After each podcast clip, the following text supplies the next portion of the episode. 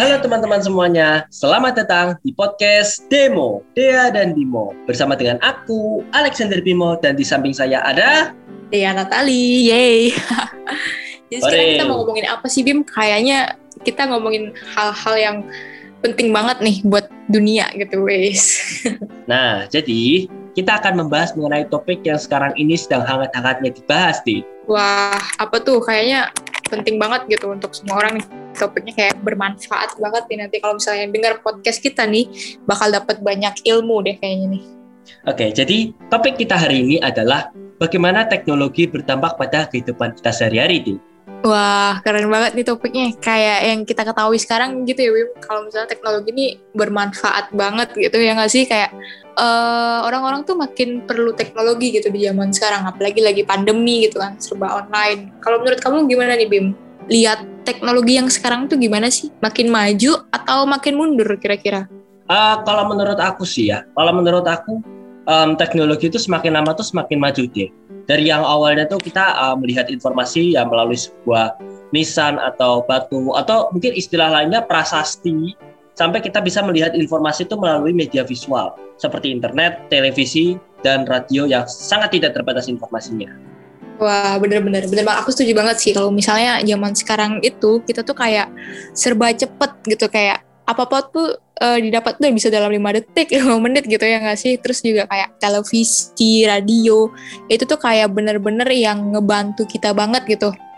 Uh, kalau dari kamu sendiri, uh, apa ya, kira-kira kalau lihat uh, internet zaman sekarang gitu ya, kemajuan teknologi gitu, kira-kira gimana sih dari pandangan kamu sendiri tuh kayak teknologi tuh makin berkembang dengan barang-barang yang makin canggih gitu nggak sih? Atau gimana sih? Kalau dari pandangan kamu nih? Uh, kalau menurut aku ya, kalau menurut aku nih, internet tuh semakin lama tuh semakin cepat deh. Semakin lama semakin cepat, semakin lama semakin mudah dan semakin lama semakin semakin canggih deh. Jadi dulu tuh dulu tuh tahun 2010-an ya. Jadi kayak aku aku kan dulu sering main di warnet. Download game aja ya 100 MB aja bisa makan waktu setengah jam deh. Wah iya banget sih. Kayaknya dulu tuh waktu kita uh, masih bocil gitu ya istilahnya kayak download apa-apa tuh kayak masih lama banget. Nunggunya juga bakal bisa satu jam kayak tadi kau bilang gitu kan. Terus kayak uh, nyari apa-apa tuh serba yang harus nyari di buku, nyari di internet pun dulu tuh kayak masih lemot gitu ya sih. Tapi sekarang tuh kayak udah terbantu banget. Bahkan kayak ada tuh jaringan internet yang sekarang tuh katanya udah sampai 5G gitu kan. Ada yang 4G dan lain sebagainya gitu. Banyak banget deh pokoknya. Nah kalau misalnya dari uh, kau pribadi tuh ngerasa nggak sih kalau makin ke sini dengan jaringan yang makin maju itu tuh banyak banget dampaknya gitu kayak ada beberapa aspek gitu yang bisa jadi dampak dari teknologi itu gitu loh.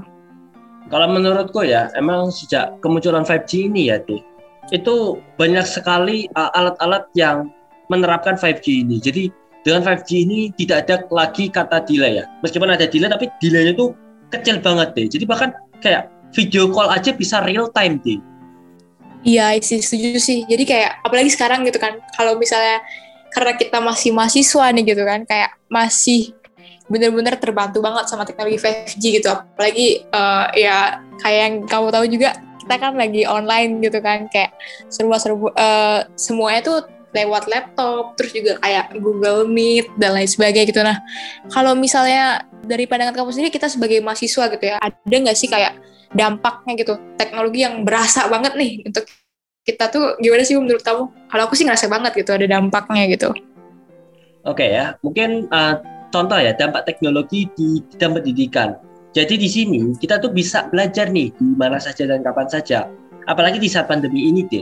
Sekolah sudah mulai menerapkan sistem pembelajaran secara daring, mulai dari absensi secara online, pemaparan materinya secara online, hingga tugas semuanya dilakukan secara online atau dalam bahasa Indonesia-nya itu daring lah gitu. Iya benar setuju sih. Jadi kayak kita tuh sekarang kalau kuliah gitu ya kayak masih apa ya pokoknya serba-serba darling gitu. Tapi menurut kamu dengan uh, kuliah online terus juga absensi online, pengumpulan tugas yang serba online juga gitu kayak uh, kerasa nggak sih gitu Bim kayak uh, ternyata teknologi tuh benar-benar ngebantu kita gitu nge tapi kayak ada manfaatnya juga gitu tapi di satu sisi ya emang ada juga sih kalau dampaknya dari sisi negatifnya gitu ya di bidang pendidikan gitu uh, kalau menurut aku ya di sisi negatif di bidang ini tuh paling ya plagiarisme mungkin ya tapi kan masih bisa diatasi kan lewat Turnitin, terus plagiarism checker, terus apa lagi ya? Nyontek mungkin ya, nyontek mungkin itu udah hal rumrah mungkin ya, Di. Iya benar banget ya. Apalagi kayaknya kalau misalnya uh, daring gini lebih gampang nyontek nggak sih? Wah, sangat-sangat unpredictable ini.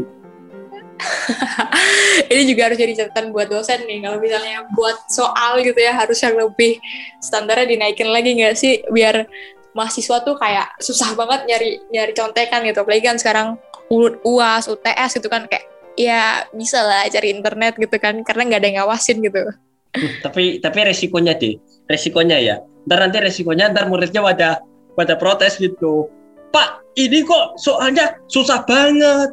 Pak ini kok ini waktunya. Oh tidak iya sih banyak sih kayak gitu. Kadang aku juga kayak gitu loh Bim. Waktu kita uh, apalagi waktu disuruh jawab jawab soal yang kayak banyak banget gitu kan tapi harus dikumpul hari itu juga gitu. Nah belum lagi tiba-tiba ntar wifi gitu tiba-tiba error atau mungkin sinyal yang rada-rada gitu deh. Nah kalau misalnya uh, tadi kita udah bahas tentang pendidikan nih.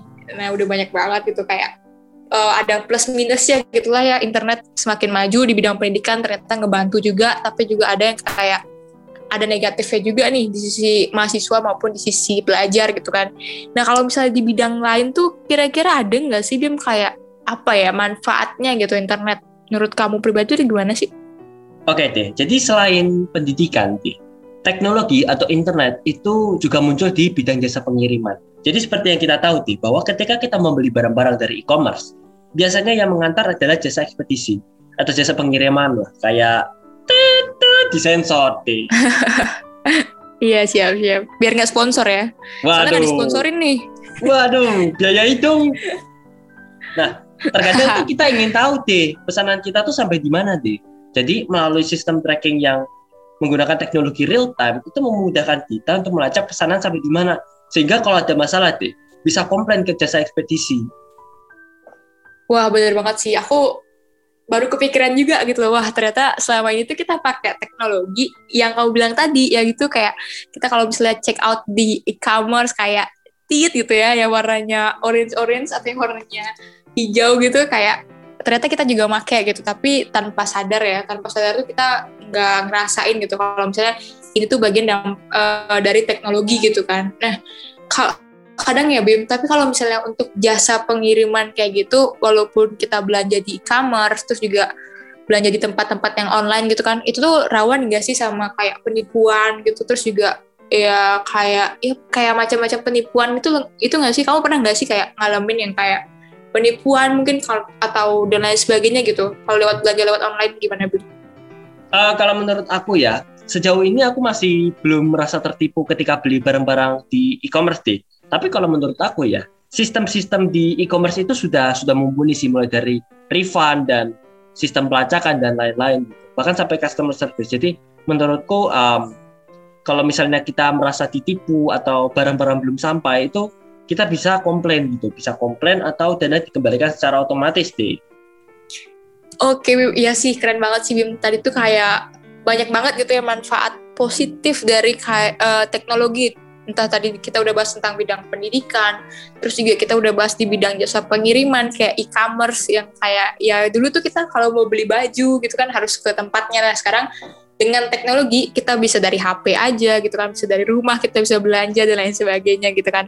Nah tapi tadi kan kita udah bahas tentang pendidikan udah juga bahas tentang jasa pengiriman gitu. Nah kalau misalnya kita ini kan sehari-hari kan hidup di rumah gitu ya apalagi lagi pandemi kayak gini gitu kan. Nah itu tuh identik dengan ibu-ibu rumah tangga gitu karena kan nggak cuma kita sendiri yang belanja gitu kan kadang uh, mama papa kita juga pasti butuh barang-barang sesuatu yang perlu dibelanjain gitu untuk uh, bantu mereka di rumah gitu untuk ya bersih sekedar bersih bersih atau mungkin kayak ya hal-hal yang berbau rumah tangga gitu kan.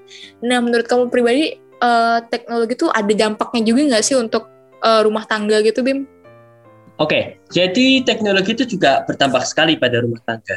Uh, kamu tahu nggak deh di TikTok itu banyak sekali rekomendasi alat-alat rumah tangga yang canggih-canggih seperti vacuum cleaner, seperti alat untuk memotong bawang putih dan masih banyak lagi tuh teknologi-teknologi atau barang-barang rumah tangga yang bisa dibeli juga di e-commerce gitu. Di TikTok banyak kok deh. Coba kamu cari-cari coba rekomendasi barang-barang di all shop gitu. Kan itu sangat memudahkan gitu. Wah iya sih, aku juga, aku baru tahu loh kalau misalnya ada di TikTok tuh kayak rekomendasi-rekomendasi barang rumah tangga gitu ya.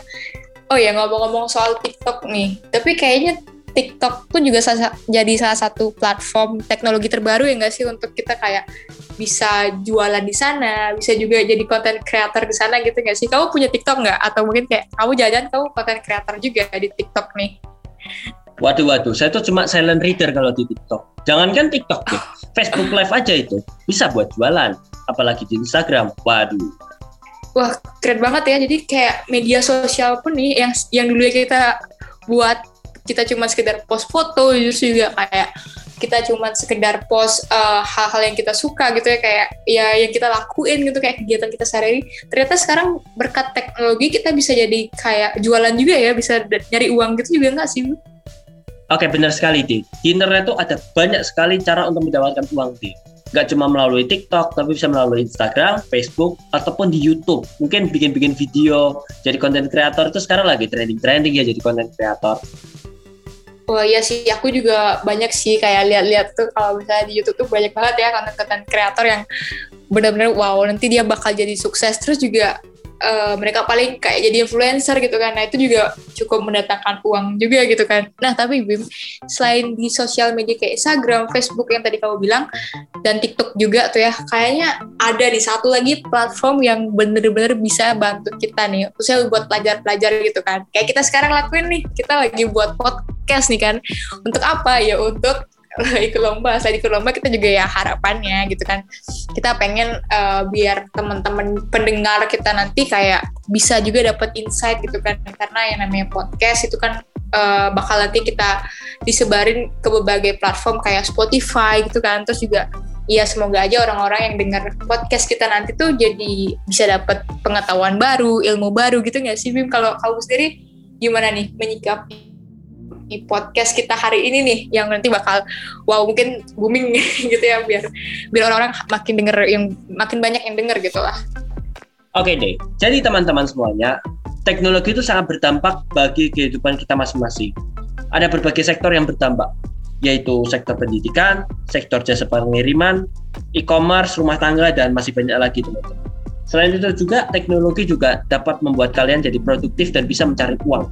Mungkin seperti konten kreator atau mungkin videografi, fotografi atau mungkin bisa bikin blog atau bikin podcast ya. Siapa tahu kan bikin podcast kan ada sponsor nanti dapat duit gitu. Yang penting adalah ada banyak sekali dampak-dampak teknologi bagi kehidupan kita sehari-hari. Yang penting manfaatkan dengan bijak, um, jangan disalahgunakan. Itu deh. Wah, keren banget sih asli. Iya bener banget, aku setuju banget. Nah, jadi teman-teman, buat teman-teman semua bener banget kata Bimo, kalau misalnya uh, teknologi itu ada plus minusnya dan kita tuh harus bijak untuk menggunakannya kayak gitu. Ya nggak bisa salah satunya nih, kayak yang kita gunain hari ini nih, kita gunain teknologi buat lomba ya kan. Dan harapannya semoga kita bisa menang. Cici panitia panitia lomba. Oke teman-teman, terima kasih telah mendengarkan podcast Demo, Dea dan Bimo. Bersama aku, Alexander Bimo, dan di samping saya ada... Aku, Dea Natali. Oke teman-teman, sampai jumpa lagi. Dadah. Dadah.